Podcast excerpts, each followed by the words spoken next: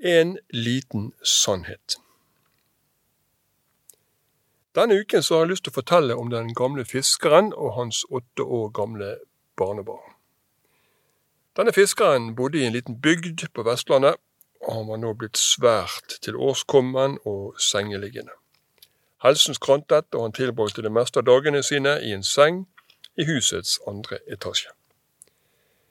En dag så kommer barnebarnet på et av sine hjemlige besøk, setter seg ved sengen og prater om skolen, om de, de dagligdagse ting. Og ikke minst så blir den eh, yngste begeistret over å høre bestefarens fortellinger fra et langt liv, fra tider som nesten ingen husket lenger, og fra det strevsomme, spennende livet som fisker. Mot slutten av samtalen så spør den unge gutten, du, bestefar, hva er det du savner aller mest når du ligger her? Etter en lengre tenkepause så svarer bestefar, du, jeg, eh, jeg savner havet. Jeg savner å se bølgene. Jeg savner å kjenne lukten av det salte vannet. Samtalen tok slutt. De takket hverandre for praten, og gutten gikk hjem til sitt. Neste ettermiddag så går døren til soverommet opp, og inn kommer barnebarnet. Bærende på en kopp går han med forsiktige skritt mot fiskeren sin seng.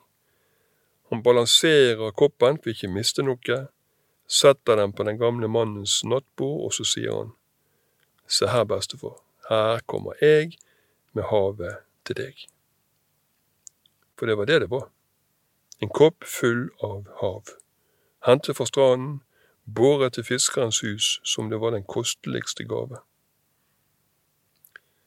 Barn har på mange måter en unik evne til å løse problemer og se ting på en måte som vi voksne har mistet et eller annet sted på veien. Tenk deg en kopp med hav, en liten sannhet for et lite menneske en påminnelse om at det finnes ingen nedre aldersgrense for kloke tanker. Og Samtidig så er det en tankevekkende. Jeg lurer på hva som skal til for å løse noe.